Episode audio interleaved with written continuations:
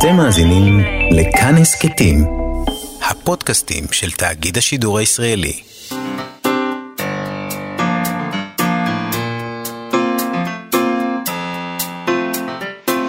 מה שכרוך עם יובל אביבי ומה יעשה לה. שלום, אנחנו מה שכרוך, מגזין הספרות היומי בכאן תרבות, מאיה סלע ויובל אביבי ב-104.9 ו-105.3 FM. אפשר למצוא אותנו גם ביישומון ובאתר של כאן, וכמובן ביישומוני ההסכתים החביבים עליכם. איתנו באולפן מפיקת התוכנית תמר בנימין, ועל הביצוע הטכני רועי קנטן. שלום לכם ושלום יובל. שלום מאיה, היום, היום ממש, בדיוק לפני עשר שנים, ב-14 ביולי שנת 2011, יום נפילת הבסטיליה, הציבה אחת בשם דפני ליף אוהל בשדרות רוטשילד כמחאה על יוקר הדיור. היא פשוט שוב נאלצה אה, לעזוב את הדירה שלה והיא חיפשה דירה אחרת בתל אביב, וכל צעיר שמנסה לעשות את זה יכול להתייאש מהמחירים וגם מההיצע, זאת אומרת היחס בין הכסף שאתה משלם לעומת מה שאתה מקבל. דפני ליף, לעומת כל צעיר אחר, פתחה דף אירוע בפייסבוק, שבו היא הזמינה אנשים להצטרף אליה למחאה נגד מחירי הדיור בשדרות רוטשילד. איך זה נגמר בסוף, כולם יודעים. אמ, כמו שזה התחיל פחות או יותר. אה, ציבור ענק באמצע, ציבור ענק של אה, צעירים וצעירות הלכו לגור ברחוב בגלל יוקר המחיה, זה התחיל בתל אביב אבל המשיך לכל המדינה. מה שהתחיל כמעין תנועה עממית הפך לארגון ענק שסחף מאות אלפי אנשים שהגיעו להפגנות ענקיות ששיאן בצעדת המיליון בשלושה בספטמבר. אה, זה, זה אירוע שכלל בעצם מספר אירועים שככל הנראה לא כלל מיליון איש, אלא רק כמה מאות אלפים, אבל עדיין... המון אנשים. המון אנשים. ואחרי זה בעצם המחאה גבה. יגידו לך שהיא לא גבה, יגידו לך שקרו כל מיני דברים, ונגיד מנהיגי המחאה חלקם הלכו לכנסת, וקרו כל מיני דברים, אבל בסדר, לא נתווכח על זה עכשיו. המאהל פורק. זה נכון, זו אחת התנועות העממיות הגדולות ביותר שפעלו בישראל, ומפתיע עד כמה בסופו של דבר ההישגים, אה, לא יודעת, עד כמה הם היו מורגשים. אה, בכל אופן, הקוטג' עדיין יקר, הדיור עדיין בלתי אפשרי, בתל אביב זה בכלל נהיה שיגעון. אה, ובאופן כללי, עשר שנים אחר כך, היחס בין יוקר המחיה בישראל לבין השכר הממוצע הוא מהגרועים במדינות המפותחות. אבל מעבר לכישלון, אה, בהיבט הכלכלי, הסוציולוגי, הפוליטי, אה, מה עשתה המחאה בשדה שחשוב לנו? הספרות. האם השאירה חותם של ממש על הספרות העברית? אז אנחנו נדבר היום על המחאה מהבחינה הספרותית, אנחנו נדבר על הניסיונות של הפרוזה והשירה כן לדבר על הדברים האלה, אנחנו נזכר מה אמרו הסופרים שלנו על המחאה בזמן אמת. אנחנו נדבר עם הסופר ניר ברעם, שספרו צל עולם, שיצא ב-2013, הוא אחת הדוגמאות לספרות שמבקשת לקחת את פרויקט המחאה החברתי לקצה, שמהלך קיצוני מאוד מה שקורה בספר מבחינת המחאה החברתית. נדבר העולמית גם. גם. העולמית, וזה בהחלט. וזה גם היה מה שבאמת קרה בסופו של דבר בעולם, אגב. היו מחאות עולמיות. נכון, זה לא היה רק אצלנו. נדבר גם עם אה, דוקטור ננה אריאל על, הפול... על... סליחה, על הפואטיקה של הסיסמאות ושל הסלוגנים ושל ההפגנות ושל השירה וכולי, ונדבר עם המתרגמת חמוטל ילין, שהיא יו"ר איגוד אנשי הספר, על הסיבה שבגינה אין באמת איגוד מקצועי יעיל של כותבים וכותבות בישראל. זה יותר של, אה, יו"ר איגוד אנשי הספר זה יותר של אה, אנשי ספר, שזה כן. לא רק, לא כותבים וכותבות, זה כל אלה שמסביב. כל תעשיית הספרות. נכון. אה, בוא נתחיל עם מה שקרה בזמן אמת, במהלך המחאה היה ברור שהסופרים והסופרות לא הרגישו שהם צריכים להיות במוקד של ההפגנות, אתה יודע, להביא, להוביל, לנאום, אלא...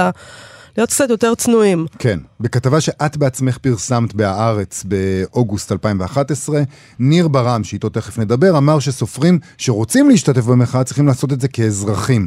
המחאה אינה זקוקה למטיפים מפסגת ההר, הוא אמר, אלא לשותפים. הסופר חיים באר אמר, אה, שאלו אותו למה אתה לא נואם ולמה אתה לא מוביל וכולי וכולי, הוא אמר, דפני ליף ואיציק שמולי הם הדוברים. הוא אמר על ניסיון של כל מיני אנשים להשתלב במחאה כמובילים, שיש תחושה שחלק מהאנשים לוקחים על זה טרמפ. טוב, השירה לעומת זאת הייתה יותר פעילה אולי במחאה, פורסם אז קובץ תחת השם שירון המהפכה, שירת האוהלים, יוזמה שהייתה המשך טבעי של מי שיצרו עוד קודם לכן את אסופות השירה האדומה, אנתולוגיה לשירה מעמדית שיצאה ב-1 במאי 2007, ואחר כך את לצאת, אסופה נגד המלחמה בעזה. גרילה תרבות זו קבוצה שפעלה כבר משנת 2007 ותמכה במאבקים חברתיים וביציאה של ממש לשטח, עם שירה ומוזיקה ככלי בהפגנות, אפשר להגיד. אה, אה, בהוצאת שירון המהפכה לקחו חלק אז הוצאות כמו, אה, זה בעצם כתבי דקה, מעיין, ערב רב, אתגר וגרילה תרבות. 109 עמודים של שירה היו שם, בהשתתפות משוררים כגון אהרון שבתאי, מאיר ויזלטיר, שירה סתיו, סיגל בן יאיר, יהודית שחר, אפרת מישורי, רועי צ'יקי ארד, יעקב ביטון וארז ביטון, ועוד רבים כמובן. רפובליקת האוהלים היא ניסיון נועז להקים במקום האומלל והיפהפה שבו אנו חיים אומה של אזרחיות ואזרחים שנפגשים ומשוחחים, מקשיבים ושרים, מתווכחים ודורשים. שירון המהפכה שלפניכם מנסה לתת דחיפה נוספת למהלך שמתחולל מול עינינו. ככה הם כתבו אז. צריך להגיד שהמחאה החברתית הגיעה אחרי תנופה מסוימת של השירה העברית בשנים שקדמו לה.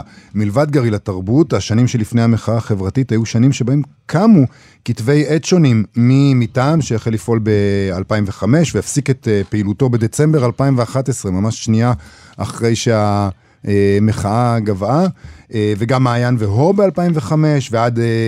אה, הווה להבא ב-2011, הוקם ב-2011. השירה והמשוררים חשו ממילא כציבור נרדף ועני שמצוי בשוליים, כך שהמחאה הזאת קלעה מאוד למעמד שלהם ולתפיסה העצמית שלהם, וגם כל, ה, כל ההתנהלות של, של השירה בישראל אז עברה גם למרחב הציבורי, היו שם, היו אירועי הקראה ו, ופעולות ברחוב כמו שציינת, וכל מיני דברים שהם נורא התאימו להלך הרוח הזה. אה, מתי שמואלוף מאנשי גריל התרבות התראיין אז והסביר, הוצאות הספרים הגדולות הפנו את הגב לשירה. מרואיינים אחרים אה, שדיברו על כך הסבירו כיצד השירה ממילא הפכה לפרויקט עצמאי, עממי, שמתרחש ברחוב, בקרב הציבור, כל הדברים שמאוד התאימו למחאה הזאת. בשנים שלאחר מכן, הכלכלה, יוקר המחיה, יחסי עבודה, עלו ביתר שאת כנושא של כתיבה בפרוזה ובשירה. אה, אז נציין כמה, למשל, יהודית שחר פרסמה את לכל רחוב משוגעת משלו, סיגל בן יאיר את ספרה הראשון לא מעודן, תהל פרוש הוציאה את בצע, שלושתן משוררות שעוסקות רבות במצב הכלכלי ובמצוקה כלכלית. בשנת 2013 יצאה אה, במקום לשירה אנתולוגיית שירה חברתית תחת השם מחאת כפיים, שערכו דורית וייסמן, גלעד מאירי, נועה שקרג'י. נדמה לי שהמחאה הזאת והעיסוק בנושאים האלה נתנו דחיפה לעוד נושאים דחופים. ולזירה עלו משוררים כמו רועי חסן, שהוציא את ספרו הראשון, הכלבים שנבחו בילדותנו היו חסומי פה, בשנת 2014. תהילה חכימי עם הספר מחר נעבוד, הם ראו אור בהוצאת טנג'יר, במקביל אה, ראה אור שחור על גבי שחור של עדי קיסר אה, באותה שנה, אה, בהוצאת גריל התרבות, ומזרח ירח של שלומי חתוקה, שנה לאחר מכן, גם הוא בהוצאת טנג'יר. עכשיו, גם בפרוזה אפשר לזהות עיסוק בשבר של מעמד הביניים, ספרים כמו בעלת הבית, הבית של נועה ידלין, שיצא בשנת 2013 וזיכה אותה בפרס ספיר, אז שעסק בכל מיני נושאים אה, כאלה של אה, משבריים. באליטה שמגלה שחוץ מההון הסימבולי לא נשאר להם ההון הממשי שהיה להם פעם. כן, הון סימבולי, אי אפשר להחליט על המכולת. לא, קוטג' לא, לא, לא, לא קונים איתו. נכון. והיה כמובן גם את בזעיר אנפין של ירמי פינקוס, שראה אור בשנת 2012, שהוא שם כתב פינקוס על, בעצם על ראשית ימי הניאו-ליברליזם, שנות ה-80 בישראל. נדמה שבכלל, באופן כללי, נדל"ן, כסף, עבודה, יחסי בעלות, כל הדברים האלה... בצע. בצע. איזה שם טוב זה בצע. כן. אמ, אז כל הדברים האלה היו דברים שממש אה, אמ, ניתן, ניתן טיפלו בהם אחרת. זאת אומרת, תמיד, אומרים שתמיד הספרות הישראלית הייתה עסקה במעמד הביניים ובמשפחה הבורגנית, ומן הסתם הכל פוליטי, כן? אבל זה הפך להיות משהו קצת אחר. אז אנחנו תכף ננסה להבין מה זה הדבר האחר הזה עם ניר ברעם, אבל בינתיים בואי נקרא שיר אחד מתוך הקובץ שירת האוהלים, אה, שיר שנקרא הבחורה הכי עשירה שאני מכיר, שכתב יובל בן עמי. הבחורה הכי עשירה שאני מכיר, פוגשת אותי אצל הירקן. היא נחמדה מאוד. קילו נקטרינות עולה 31 ש"ח, וחמסין מתקרב. אני יוצא רק עם קולרבי וכמה עגבניות, ובכל זאת כבד ביד. יש לי נשיקה בשביל לחייה, אבל כבד ביד. לא נשאר לי ממה להתעניין בילדיה. כסף לא פותר כלום, אבל קונה נקטרינות. שמיכת פיקה מכסף, כיף להתכסות בה בחמסין. בעלה של זו תמיד נתקע רק עם שטרות של אירו בארנק. במקומות שלא לוקחים אשראי. אני מזמין אותו. אני אוהב אותו. הוא הבחור הכי עשיר שאני מכיר, והוא גם ימין מרכז, אבל יש בו ג'אז. היום הכל ג'אז והחום הורג חתולים. לא הכעס יחבר שירים ולא עזרה מההורים. הבחורה העשירה לבושה יפה, ויש לה ביד אגוזים.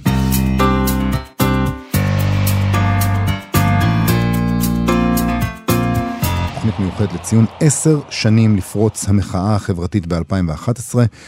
אה, ספר מאוד מאוד מרכזי בישראל שניסה לקחת את המחאה החברתית ולהשתמש בה כנושא מרכזי ו- ובאמת לקחת אותו הכי רחוק שאפשר, היה צל עולם של הסופר ניר ברם שראה אור בשנת 2013 בהוצאת אה, עם עובד. זהו ספר שאפתני שבו שלושה סיפורים שמשתלבים זה בזה ומבטאים את האופן שבו העולם הזה בכל מיני דרכים נשלט ומהונדס. כל מיני מפעילי מריונטות כאלה מאחורי, מאחורי הקלעים, מערך כוח ששואב לתוכו גם את מי שלכאורה מנסה להילחם בו. אחד הסיפורים בו עסק בניסיון לארגן את השביתה העולמית הגדולה ביותר אי פעם. והספר הזה באמת עסק במופע הגלובלי הזה, כמו שאמרת, זה לא היה מיוחד לישראל, מופע גלובלי של כיפוף ורמיסת אנשים שחיים כאן על ידי מספר מועט מאוד של אנשים. ובזאת באמת אולי הוא היה יוצא דופן, זה לא היה זה לא היה עיסוק בתשוקה הישראלי לנדל"ן, או במצוקה כלכלית של מעמד הביניים, זה דיבר באמת על מחאה. אה, ניר ברם הוא סופר שמלבד צל עולם הוא כתב גם את אנשים טובים, יקיצה בין היתר, ואת ספר עיון הארץ שמעבר להרים, שגם עובד לסרט תיעודי. שלום ניר ברם.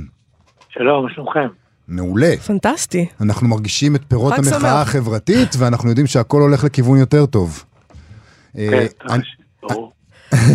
אני רוצה לשאול, עד כמה המחאה החברתית הייתה חלק ממה שהניע את הכתיבה של הספר הזה? כי זה יצא שנתיים אחר כך, אבל אני יודע גם שלפעמים עובדים על ספרים עוד לפני שהדברים קרו, ואז בעצם זה קצת קלקל לך אולי. עד כמה זה היה חלק מזה? האמת היא שכשהתחלתי לכתוב את צי עולם זה היה לפני המחאה החברתית, ואת כל הרעיון של המיליארד שופטים ושביתה גלובלית, אה, הוא לא היה קשור למחאה החברתית. כשהתחילה המחאה זה... זה היה שכאילו זה קצת הדביק את הספר, אה, מבחינתי כמובן, אבל, אה, אבל כאילו, אני חושב שבשנים האלה היה באמת אה, דיון מאוד רחב סביב סוגיות חברתיות שהמחאה פשוט הוציאה החוצה. אז, אבל כש, כשהמשכתי לכתוב את הספר, וזה היה תוך כדי המחאה החברתית ואחרי המחאה החברתית, ברור שזה השפיע, לפחות בקטעים הישראלים, כי זה עורר סוג של מודעות לנושאים חברתיים ולאופן שבו ציבור מאוד uh, גדול נרמס, נרמס על ידי קבוצה קטנה של אנשים, אז זה כן השפיע עליי. אבל תראה, אם הספר לא נכתב מנקודת מבט של uh, מחאה, אני חושב שאחד הדברים המעניינים בו זה שהוא מנסה להבין את כל הצדדים, והוא לא שופט והוא לא איזה מניפסט בעד מחאה ונגד בעלי ההון. רציתי לכתוב ספר שיראה את כל הצדדים השונים של המשוואה הזאת, ואת האנושיות של כולם גם. אני חושב שאתה צודק, אבל אני צריך להגיד שהתחושה, לפחות כקורא, אני לא יודע למה אתה התכוונת, אבל תחושה כקורא, זה שזה ברור לאן זה הולך. זאת אומרת, התחושה בסוף הספר היא לא של הישג, היא לא של ניצחון. ואם אתה מזכיר את הסיפור הישראלי, אז הוא מזכיר את מה שהרבה מאוד אנשים אחרי זה בסופו של דבר אמרו על המחאה, שאנשים מאוד אידיאליסטים וצעירים, הסיפור, הקו הישראלי של העלילה שלך, הוא על צעירים אידיאליסטים ו- ו- שרוצים לשנות את העולם, ובסוף הם מתכופפים מתחת למפלגה.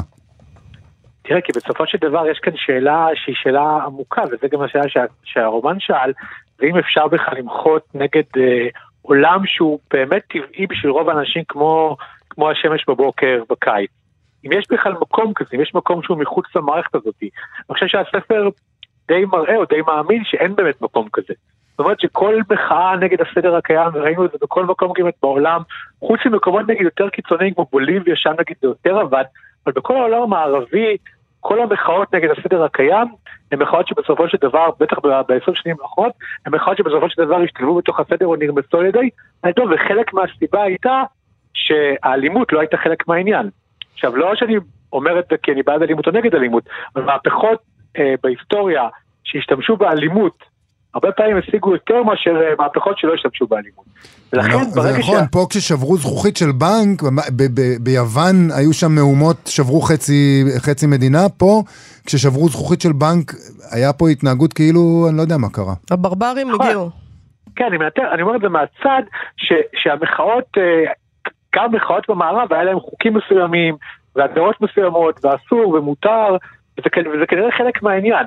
ועוד דבר, זה שהוא כן דבר מעניין, אם תשימו לב, בשנים האחרונות, המחאה החברתית כמעט נעלמה בעולם המערבי, לטובת מחאה נגיד שהיא... שהיא מחאה ש... ש... זאת אומרת, לטובת ויכוח או עימות שהוא יותר סביב נושאים של אה, ג'נדר, סביב נושאים של אה, אה, שחור לבן, סביב נושאים של, של מין, של שליטה, של איפה נמצא הכוח, וזה דבר מעניין כי זה בעצם פירק את הסולידריות המסוימת שהייתה יכולה להיות בין קבוצות שונות. אי אפשר לייצר מחאה אפקטיבית אם היא לא מחברת בין הרבה קבוצות שונות מאוד. ודווקא אני חושב שבשנים האחרונות יש פירוק יתר, לא יודע אם זה טוב או רע, פירוק יתר של כל הקבוצות השונות, מה שמקשה עוד יותר על לחשוב על מחאה חברתית אפקטיבית. זה גם נורא הדברים שה- נוח לתאגידים, זאת אומרת, לפרק את זה לפי, אתה יודע, כי הם יכולים להגיד, אני בסדר, תראו, אני מעסיק ככה וככה נשים, ויש פה שחורים, ויש פה סינים, ויש פה נכים, ואז... יכול להיות שכל הם דווקא מהפכת... יוצאים בסדר בעולם הזה, שהוא אולי מפורק. כל מהפכת הזהות הפרוגרסיבית הזאת היא אותה. בעצם אה, מזימה של אה, התאגידים הגדולים. אני לא חושב מבינה, אבל מה שמאיה אמרה זה מאוד, מאוד uh, מדייק ביקורת שיש גם ארצות הברית וגם בישראל, על האופן שבו בעצם uh, המחאה החברתית שכן סיכנה את התאגידים נגיד יותר, uh, עברה, עברה, עברה מטמורפוזה, או עברה שינוי מאוד גדול, ועכשיו המחאה היא אצלי נושא אחר. שהוא גם חשוב, שהוא גם קריטי, אבל שהוא נושא שפחות מסכן את התאגידים כי הם יכולים לקבל אותו. מה שמאיים על, אה, על תאגידים ועל הכוח זה איום אמיתי שלא מאיים על, ה, על תעסיקו אותו, אל תעסיקו אותו, תשנו את המודל, אלא, אלא שינוי ש, שביסודו שינוי כל המודל הכלכלי. וזה כבר דבר שבעצם ירד מעל הפרק לדעתי. אבל שמעת את אה. הנשיא ג'ו ביידן לפני כמה ימים, אה, דיבר על זה שבמשך אה, כמה עשרות שנים עשינו ניסוי בניאו-ליברליזם, ניאו-קפיטליזם, והניסוי נכשל, הוא אמר, צריך לחזור למשהו אחר. אז אולי יש כן. תקווה. את יודעת שאמר את זה אותו בן אדם ש-30 או 40 שנה אה, תחזק בדיוק את המערכת הזאת. נכון. זאת אומרת, אה, זה- אגב, אגב, זה תמיד, זה תמיד, תמיד פחות או יותר ככה, זאת אומרת, מתישהו אה, יש את ההכרה הזאת. עכשיו, ברור שאם מסתכלים על זה מהצד, רואים שהמעמד הבינוני בארצות הברית, אפילו יותר מאשר בישראל, נשחק ונטחן ויורד למטה, וזו סכנה גם לעשירים במובן מסוים. אבל אני חושב ש, שבטח התשובה לא תהיה אצל אדם כמו ביידן, זה לכל היותר יהיה שינוי קטן אה, במערכת המיסים. אחת התיאוריות היא שהכסף הגדול, שהכסף כבר נעלם, כבר איננו, כבר נמצא אצלהם. כבר מזמן לא נמצא אצל המעמד הבינוני. אוקיי. עכשיו אתה יכול לעשות אה, שינויים כאלה ואחרים, זה כבר לא ישנה את המגמה של 20, 30, 40 שנה, הגיע משנות ה-70 פחות או יותר. אז איך אפשר וזה- לשנות את זה בעצם? אי אפשר? באלימות, מה? זה ענה לך כבר. לא, לא, לא אמרתי, תראה, אני, לא, אני, אני, אני ממש לא בטוח שאלימות זאת התשובה, בגלל שגם, אתה יודע, גם מחאה אלימה אפשר לרסק וגם לא תזכה לאהדה. אה, אני חושב שמה שראינו ב, בעשורים האחרונים, פחות או יותר, וגם, וגם בש, בעיקר בעשורים האחרונים, הראה לנו ששינוי שינוי יבוא לאו דווקא עם מחאה, אלא מההבנה האמיתית שהשחקנים. יותר חזקים במשחק, שזה פשוט גם לא, לא עובד בשבילם יותר, אומרת, שזה גם מסכן אותם, שזה גם מסכן את הפריבילגיות שלהם, שזה גם מסכן את הסדר החברתי. אני חשבתי שבקורונה זה, זה, זה, יכול, זה יכול לצוץ. לא, זה באמת- קרה ההפך לדעתי, בסופו של דבר. בסדר. אתה יודע, כן, אבל נכון, אבל בקורונה מי שבאמת, אה, אה, בוא נגיד, מי שבאמת הפרנסה שלו סוכנה באופן ממשי, העתיד שלו, האופן שבו הוא יכול לחיות ביום יום, לא היו אנשים העשירים שישבו בבתים שלהם ב- ליד החוף לא. ו- וישנו סיגרת, אז זה היה המעמד הנמוך, אבל בקורונה ראית שרוב האנשים פשוט לא התייחסו לדבר הזה, בכלל עניין אותם, כי יש את המגפה וצריך להילחם בה, אף אחד לא, לא התעניין בשאלה מי בעצם סובל מה, מהסגרים וכולי, ו- ו- ואיך יהיה העתיד שלו. אני חשבתי שבקורונה, שדרך- שאחרי הקורונה יכול לצאת דבר כזה, בינתיים זה לא קורה, אבל אני חושב שאם לפני עשר שנים הייתי יחסית יותר אופטימי לגבי שינוי, או בוא נגיד הייתי קצת אופטימי, נגיד 20 אחוז, עכשיו זה ירד לממש אחוזים בודדים. אוי ואבוי. בוא נדבר רגע על ספרות. אני רוצה לשאול אותך על הלך הרוח של עולם הספרות אה, אחרי המחאה החברתית. הרגשתם סופרים וסופרות, משוררים, משוררות, לא שאתה נציג של הקהילה, אבל, אה, אבל כל, אה, הרגשתם חובה? הרגשתם שליחות? הרגשתם שזה, שזה משהו שחייבים עכשיו להכניס אה, לתוך העיסוק אה, הספרותי? אה, אני לא חושב שהרבה סופרים הרגישו את הדבר הזה, אבל אני גם חייב להגיד שגם אני לא הרגשתי חובה לכתוב על המחאה החברתית, אני באמת התחלתי לכתוב את הרומן הזה לפני זה. אבל אני חושב שהייתה תחושה מסוימת, אה, אגב, לאו דווקא בכתיבת רומן, אלא בכלל בהבעת עמדות, הייתה תחושה מסוימת של התגייסות לאומית אה, עבור המחאה, וגם סופרים משוררים מרגישו את הצורך הזה, וראית יותר שירים ויותר סיפורים, התחילו לעסוק בנושא. תראה, כסף זה לא דבר חדש, זה נושא שבספרות העברית לפני 30, 40, 50 שנה היה מאוד מאוד זניח. וכמעט ולא כתבו עליו, כתבו הרבה על משפחה, הרבה פעמים תמיד אני אומר בשיעורי כתיבה, אתה קורא איזה ספר, איזה גיבור שמסתובב בחיפה וחושב כל הזמן על אשתו ועל המשפחה שלו, אתה לא מבין איפה יש לו כסף להסתובב שם כל הזמן? לא באמת, אתה כאילו לא מבין מה הוא עושה, איפה יש לו נכון, כסף. ממה הוא חי באמת? אני חושב שהמחאה דווקא חידדה את השאלה הזאת. בספרות נגיד האמריקאית, אתה פחות או יותר ברוב הספרים תמיד יודע אה, מה הוא עושה, מה המצב הכלכלי שלו, באיזה מעמד הוא. הנושא הכלכלי הוא נושא משמעותי. בספרות העברית אולי המחאה דווקא חידדה את הקשב הזה לשאלות האלה. זאת אומרת, גם איך הבורגנות חיה, גם איך מעונות אחרים חיים. אבל אני לא חושב שהייתה התגייסות, אה, אבל זה, זאת שאלה מעניינת אגב לחוקרים. זה מעניינים חוקרים הרבה. כן, נשאל אותם. אה, אבל מה לדעתך קרה בשנים, בעשר השנים שחלפו? זו הייתה מגמה שהייתה אה, בשנים שלאחר מכן וזה גבה, או שזה עדיין ככה, זה פתח את הפתח ועכשיו כולנו מתייחסים לזה, אך אם אתם... בכלל יש ספרות עברית עוד. אה, כן, יכול להיות שהיא מתה. מתה? לא, אנחנו יכול- לא הוא אמר. שיכול להיות, אני- מה אתה אני- חושב? אני לא מאמין בזה. אתם- אתם יודעים שאני מוציא רומן חדש בחודש הבא. אז היא לא עדיף- מתה. אה, בחודש הבא? כן, עדיף שזה לא יקרה עכשיו. מה, רגע, אם הוא בנושא, יש שם כסף ברומן הזה? אה, יש שם כסף, כן, יש שם כסף, יש שם דווקא דברים מעניינים שלא כתבתי עליהם בעבר. אה, אפילו קצת פוליטיקה, יש כל מיני דברים. אוקיי. אה, טוב, נדבר עליו בנפרד. אבל אם נחזור לעניין, אז אז מה בעצם העניין? אה, אם שאלתם מה קרה... האם, האם זה היה מגמה חולפת, או שעכשיו השער נפתח לדבר על הדברים כמו עבודה ויחסי בעלות, ועכשיו זה משהו שפשוט נוכח כל הזמן בספרות? דעתי, דעתי הייתה מגמה בשנים אה, שאחרי המחאה החברתית נכתב באופן ישיר על מחאות והנושאים האלה.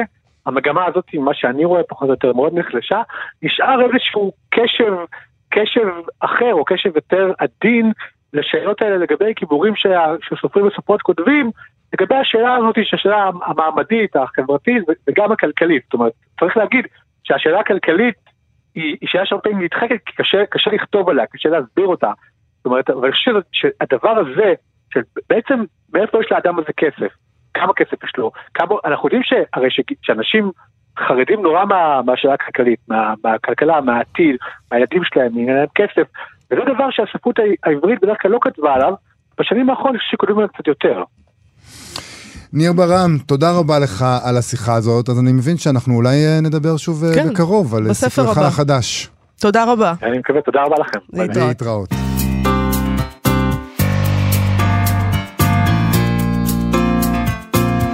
תוכנית המחאה שלנו לציון עשר שנים למחאת האוהלים.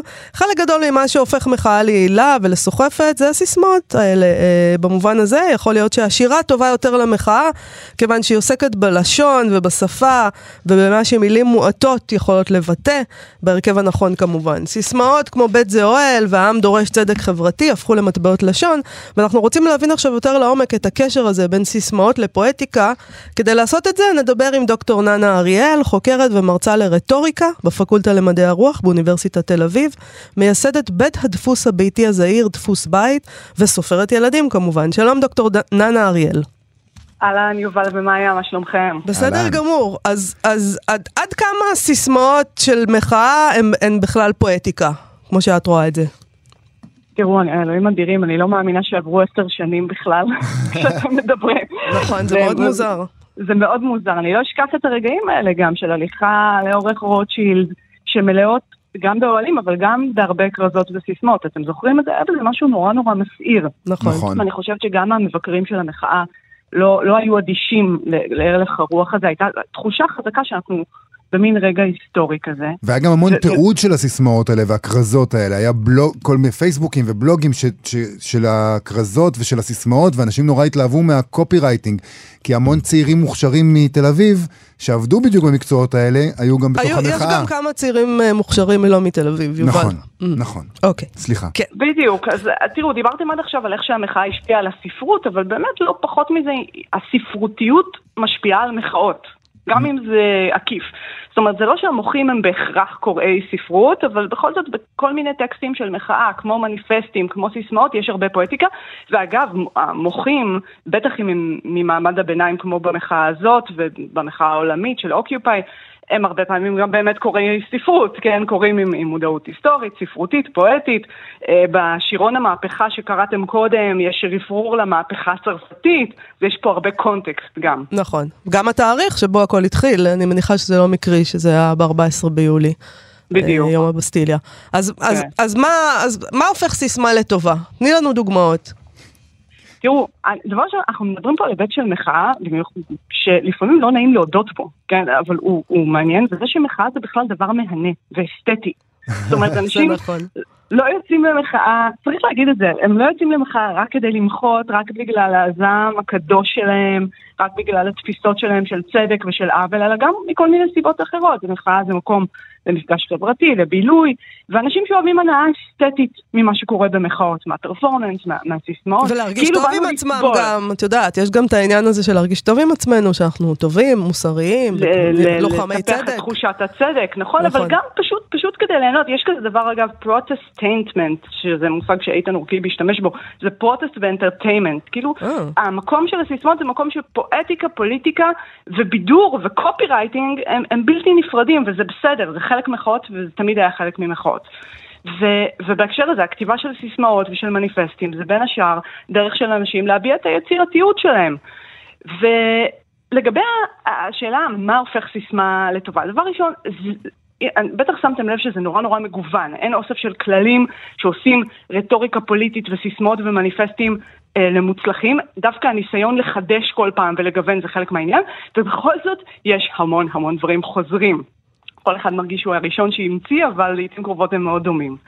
אז, אז ברור שכדי שסיסמה תהיה טובה, היא חייבת לא רק להעביר מסר פוליטי, אלא גם לענות על איזה שהן דרישות פואטיות, נכון? צריך להיות משהו בריתמוס שעובד. אה, חריזה מאוד עוזרת לזיכרון. אה, רוצים לקחת דוגמה, למשל, נניח הון שלטון עולם תחתון. כן, זה, כן. זה כאילו נשמע מאוד פשוט, אבל ברמה הפואטית זה כמו אה, וני וידי ויצ'י. נכון. של קיסר, נכון. או וני וידי וויקי, דרך אגב, צריך להגיד בלטינית. אה, זה, זה שילוש כזה מחורז, הון, שלטון, עולם תחתון. וזה כמובן מאוד מענג ששלטון, הון ושלטון מתחרזים עם עולם תחתון, כי זה ממש מדגים את הנקודה. הסיסמה כאילו ממחישה את עצמה מבחינה פואטית, לא צריך להגיד הרבה. תראו, שלטון דומה צלילית לעולם תחתון, אז שני הדברים האלה מקבילים. נכון. ואגב, רומן יעקובסון, ש- שכתב על הרעיון הזה של מה הופך את הלשון לפואטית, כתב בדיוק על הדברים האלה, עם הדוגמה הזאת של בני וידי ויצ'י, זאת אומרת, החריזה הזאת היא, היא, אמ, היא יוצרת אה, ביטוי, במקרה הזה שהוא פו- פואטי ופוליטי באותו זמן. גם דברים שנשמעים כמו פרוזה דרך אגב, אתם יודעים, נגיד, אה, הזכרת קודם מאיה את העם דורש צדק חברתי, כן. כאילו זה, זה כאילו בפרוזה, נכון? אבל, אבל האמת, תחשבו על זה, זה מתחלק נורא יפה לשלושה חלקים, שהשניים הראשונים שווים, העם דורש, והשלישי הוא המתעצם והוא הגדול יותר, והוא גם הפאנץ', זה הדבר שאותו דורשים, צדק חברתי. ואפשר גם להגיד את זה כמו שאמרו את זה, עם סטקטואים נכון, כאלה. ל- העם. דורש. בדיוק. הבן שלי עדיין צועק את זה אה, לפעמים. צעקו את זה אחר כך, זה מעלה את כל, הש... את כל השאלה בעצם, אמ, שאולי זה בעצם יותר קרוב לפזמונאות אפילו. אמ, אולי זה יותר קשור באמת לבידור להמונים ופחות אה, לשירה נשגבת כמו שאנחנו מדמיינים לנו אותה. אני הייתי אומרת אולי מה, מהכיוון השני, ששירה נשגבת כמו שאנחנו מדמיינים אותה, קרובה הרבה יותר אה, לפזמונאות ואפילו לקופי רייטינג ולעולם הפרסום ממה שהיינו חושבים. הגבולות בין הדברים נורא מטושטשים, ואם מישהו רוצה לראות עד כמה הם מטושטשים, אפשר באמת לפתוח את שירון המהפכה שזמין ברשת ולראות למשל את, אה, אה, זכור לי מאוד, אזהרה דחופה של תהל פרוש. שקורה במין אזהרה תכופה, הפסיקו לעבוד, צאו לרחוב, ולא ברור לך, זה, זה, זה פרוזה, זה שירה, זה טקסט מחאה, זה, זה מקום שבו הגבול הזה מטשטש ומתמסמס לגמרי. יש כזה מין ז'אנר שלם שנקרא מניפסטו uh, ארט, מניפסטים שהם גם אומנות, ואי אפשר לשים את הגבול איפה המניפסט מתחיל ואיפה האומנות מתחילה. זה גם שמעלה במידה מסוימת, אם אה, אנחנו נכנסים פה לאומנות וקניין רוחני, מי היה ראשון? כי הרי אנחנו יודעים שעל דברים מסוימים, גם נגיד במחאת בלפור, מי המציא את קריים מיניסטר? מי המציא את לך, את הסלוגן? אלה דברים שאנשים אחרי זה התווכחו עליהם. מי היה הראשון שצעק העם דורש צדק חברתי? אה, יכול להיות שאולי באמת ההבדל העיקרי בסוף ש... מבחין את השירה כשירה מסיסמאות אה, פוליטיות כאלה, זה עניין של זכויות יוצרים, זאת אומרת של מי הקניין, שם בשירה הקניין מוסדר יותר, אה, ומחאה, טקסטים של מחאה נתפסים למרות הוויכוחים האלה כטקסטים עממיים ש... צמחו אה, מהרחוב. ש... מחבר עממי. ששייכים לכולם באיזשהו כן, מובן, כן. דוקטור ננה אריאל, תודה רבה לך על השיחה הזאת. ברור לחלוטין עכשיו שהסיסמאות האלה היו פואטיות לגמרי. בברכת לחם עבודה. תודה. תודה רבה. תודה לכם. להתראות. ביי.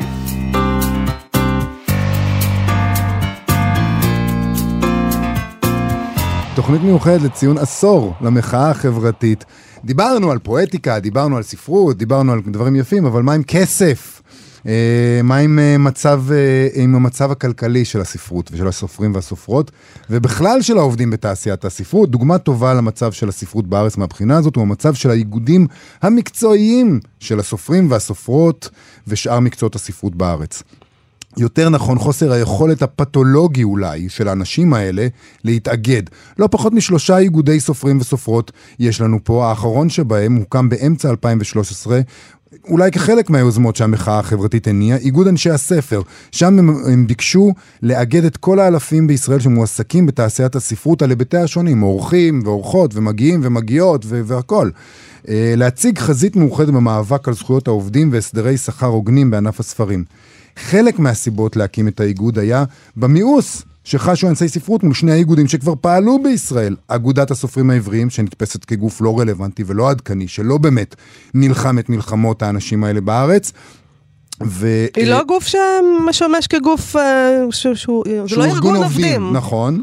ואיגוד הסופרים הכללי, שנוסד על ידי סופרים שפרשו מהאגודה. זה כמו נשיא המדינה, זה כזה מקומות שהעניין שלהם הוא יותר... אה, ייצוגי. ייצוגי, הם ממלכתיים, כן. אז איגוד הסופרים הכלליים נוסד על ידי סופרים שפרשו מהאגודה, הם, הם מעשו בה, אבל הם לא עשו עבודה הרבה יותר טובה, הם נתפסים לפי דעתי עוד כפחות רלוונטיים ומרכזיים מהאגודה. אז האם האיגוד החדש הצליח למלא את ייעודו? האם אנשי הספרות נהרו אליו? מה הוא עשה בשנים שחלפו מאז שהוקם? איתנו יו"ר האיגוד המתרגמת, חמוטל ילין. שלום חמוטל ילין. שלום. בואו נתחיל מההתחלה. עד כמה הקמת הארגון הותנעה בזכות או בעקבות המחאה החברתית? אני חושבת שבמידה רבה אה, היא אכן הותנעה על ידי זה, אמנם לקח קצת זמן, אה, האיגוד הוקם באפריל 2013, אבל זה בעיקר האווירה שנוצרה אחרי המחאה וההרגשה הזו ש... שבאמת אנשים יכולים להתאגד ולעשות משהו בקשר לתנאים שלהם, של המחיה שלהם, של הפרנסה שלהם, ש, שלא צריך לחכות uh, לממשלה שתעשה דברים, אלא אפשר להזיז דברים מלמטה. אז, אז הדברים האלה בהחלט גם פתאום אחרי, אחרי שנים שדיברו על, על כל כך הרבה דברים בנוף אה, של ישראל, בעיקר נגיד ביטחון ודברים כאלה, אה, דיברו על החשיבות של ההיבט הכלכלי והחברתי לכל דבר בחיים שלנו, וזה שפך אור גם, גם על זה מבחינתנו. ואת מרגישה שאוקיי, הקמתם את האיגוד, יש בו חברים, נו, ואיך זה עובד, כל הדבר הזה? אה, פחות טוב ממה שהיינו רוצים, כי, כי אה, יש הרבה דברים שהיינו רוצים לשנות ו, ויש בעיה מבנית מאוד מאוד חמורה באיך שהכל עובד. אה, גם מבחינה זו ש, שאפילו מי שאמורים להיות בעלי ההון במקרה הזה, נגיד ההוצאות, הם, יש להם בעיות משל עצמם בגלל כשלי השוק. כן. דיברו על זה הרבה בהקשר של חוק הספרים והביטול של חוק הספרים וכולי. זאת אומרת שזה לא רק שהם יושבים שם ומעבירים שקי כסף ורק לנו הם לא מעבירים, יש להם באמת בעיות אמיתיות. אבל... אה, אבל גם צריך להיות איזה, איזה סוג של סולידריות כזאת, שנגיד אומרת, אנחנו מהיום המתרגמים יקבלו לא פחות מ-X כסף, וכל המתרגמים צריכים לא, להסכים לדבר הזה ולא לעבוד פחות. ואם הם לא עושים את זה, אז זה לא יכול לעבוד אף פעם, ו- ויכול להיות שהם פשוט לא, אין, אין את הסולידריות הזאת. אמ, זה נכון במידה רבה, זאת אומרת, אה, יש יותר ויותר, אני כן מרגישה שיש אה, סולידריות וכן אה, אנחנו פרסמנו כבר לפני כמה שנים תעריפון של תעריפי מינימום מומלצים, כדי שאנשים לפחות ידעו. זאת אומרת, יש את האנשים שאומרים, לא אכפת לי, מה שמשנה לי זה שתהיה לי עבודה בתחום הזה, כי זה מה שרציתי תמיד לעשות. כן. או אה, אה, אין לי כסף ואני לא יכולה להיות בררנית. ואני, אני, כאילו, לא בקטע שיפוטי, אנשים יש להם את השיקולים של עצמם, אבל כן, זה, זה, זה, זה משפיע על כל השוק, זה משפיע גם על החברים שלהם, על הקולגות שלהם. אבל uh, ברגע ש, שפרסמנו תעריפון כזה, אנשים לכל הפחות יכולים לדעת מה, מה נחשב מינימום הגיוני שאפשר להתפרנס ממנו, אם לא כאילו להתעשר, מן הסתם לא, כן. uh, אבל, uh, אבל לפחות להתפרנס בכבוד, לפחות לשכר מינימום, ות, ותחשבו, זה, זה, אלה מקצועות ש, שצריך השכלה וניסיון ו, ועוד הרבה דברים ש, שבאמת uh, מגיע כסף הרבה יותר מאשר uh, שכר מינימום לעבודות ש, שנגיד שלא דורשות את הדברים האלה.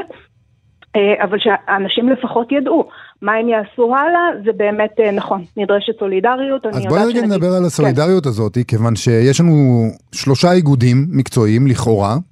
אמ, אבל לא בטוח עד כמה האנשים של המקצוע הזה בכלל מעוניינים. ותרשי לי, מתוך, אה, מתוך האספה שאתם ערכתם, ערכתם לא מזמן, ב-14 כן. ביוני, נכון? אספה שנתית. וציינתי שם את מספר החברים שלכם. אתם 189 אנשים, רציתם לאגד אלפי אנשים. אמרתם, יש מגיהים, מגיעות, אורחים, אורחות, מתרגמים, מתרגמות, סופרים, סופרות, משוררים, משוררות. אלפי אנשים עובדים בתעשייה הזאת בתנאים לא טובים. ובצדק אמרתם בואו נאגד את כל האלפים האלה, אבל הגעתם 189, אולי זה בעיה של העבודה שלכם, אולי זה בעיה של האנשים האלה, למה אתם לא מתאגדים? תראה, כן, זה בהחלט אה, אה, מצער, הייתי שמחה אם היו לנו הרבה יותר חברים. אה, הרבה פעמים אנשים מרגישים שזה לא מדבר אליהם, הם לא מבינים מה יצא להם מזה, זאת אומרת, הרבה פעמים יש להם מין מחשבה כזו של אנחנו נצטרף לאיגוד מקצועי אם יבטיחו לנו בונבוניירות. אה, במקום להגיד אנחנו אה, נתאגד כי, כי זה חשוב וזה מה שייתן לנו כוח. אני יכולה להגיד לכם שנגיד בתקופה של הסגר הראשון, להרבה אנשים אה, הקפיאו ספרים תוך כדי עבודה, פתאום אמרו להם מהיום למחר, אה, אה נכון הדבר שאתם עובדים עליו, אז, אה, אז לא. ו, ואתם לא יודעים מה לעשות בחודשים הבאים, וגם מי יודע מתי, מתי נקבל את הכסף על החודשים שכבר עשינו עבודה. ו, ויש הוצאות מסוימות ש, שבאמת בתקופה הזאת פשוט נעלמו לאנשים. ברגע שפנו אלינו מספיק אנשים, אה, אנחנו כאיגוד פנינו להוצאות ואמרנו, מה קורה עם זה? גם אנשים שהם לא חברים שלכם? חברים באגודה? פעלתם לטובתם? אה, כן, דרך אגב, גם אה, אנשים שלא, של, שלא חברים שלנו, כמובן אנחנו תמיד נורא נורא מעודדים אנשים להצטרף אלינו, אנחנו חושבים שזה מאוד חשוב הקטע של רגע, וההוצאות שמעו אתכם? פניתם? ההוצאות שמעו אותנו, כן. אוקיי, זה עזר, זה עבד. זה עבד, זה, זה לא היה כזה קל, והיה לנו כל מיני התכתבויות, ועורכי דין, ועניינים, כן. אבל בסוף האנשים קיבלו את, ה, את הכסף שהיה מגיע להם. יפה מאוד. אני רוצה לשאול, מדוע, למה אנחנו, אנחנו תעשייה לא גדולה, אולי הגיע הזמן להגיד, די, אנחנו לא צריכים שלושה איגודים, חייבים להתאחד, חייבים לפעול מתוך מה שקיים, וגם ההתפצלות הזאת היא לא בריאה לתעשייה. קוראים לזה איגוד אנשי הספר, אבל האמת היא שרוב ההתעסקות שלנו זה במצב של אה, מתרגמי, mm-hmm. מתרגמי ספרות, עורכי ספרות, מגיהים, לקטורים. אה, בהתחלה אמנם כשהקימו את זה גם היה אה, גרעין די גדול של סופרים, אבל האיגוד שלנו פחות מתעסק עם, עם עניין של סופרים בזמן האחרון, וכן לאורך השנים ניסינו לראות כל מיני אפשרויות של, של לחבור לאיגודים של הסופרים, וזה לא צלח. זה לא צלח, אני מבין, בגלל, בגלל האיגודים האחרים כאילו? זאת אומרת, הם לא נענו? אה, האמת היא שאני לא מאה אחוז סגורה על אה, בדיוק מה היה שם, אבל אה, זה פשוט, המטרות שלנו כנראה שונות מדי. את חושבת שזה בר שינוי, אני רוצה לשאול לסיום, את חושבת שזה בר שינוי, אנחנו כבר, את יודעת, אנחנו מדברים עשורים אולי, והמצב הולך ונהיה יותר ויותר גרוע על מצב השוק הזה. את באמת חושבת שאפשר באמת לתקן את זה? שאלה מה הגדרה ללתקן. אני קודם כל מאמינה גדולה בשינוי עולם בצעדים קטנים, ואני כן מרגישה שהאיגוד עשה הרבה צעדים קטנים, ב, ב, לפחות כמה שנים האחרונות, שאני קצת יותר פעילה ו, ויותר מודעת למה קורה בו.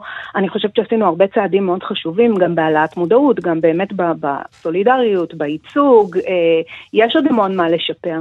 התחום הבא ש, ש, שעולה לי בראש, משהו שאני, כאילו בחלום שלי הייתי רוצה לראות, זה שאנחנו ממש נשתף פעולה עם ההוצאות בשביל לשפר את המצב של כולנו. כאילו זה יוצא מצב כזה של אה, אנחנו בצד אחד וההוצאות הן הרעות שלא משלמות לנו בזמן, וקודם כל הרבה הוצאות הן סבבה ונהדרות, אה, ועדיין יש להם מעט מאוד כסף אה, הרבה פעמים להציע לנו, כי, כי, כי כזה השוק, הצרכנים רוצים ספר 4 ב-100 או אפילו פחות, וההוצאות צריכות להרוויח כסף מה- מהדברים שהן מוכרות, מייצרות, ו- ואנחנו רוצים להתפרנס, וכאילו יש קונפליקט כזה ש- שבאמת קשה לדעת איך ייפתר, אבל אני חושבת שהכי חשוב זה באמת לשתף פעולה.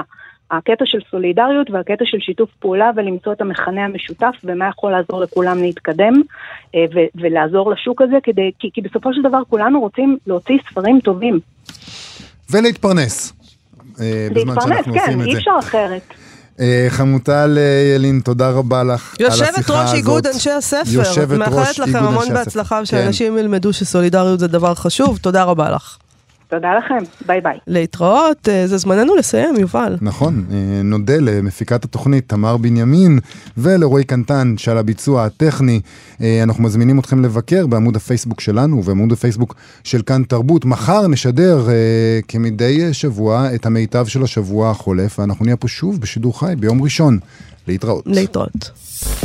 אתם מאזינים לכאן הסכתים, הפודקאסטים של תאגיד השידור הישראלי.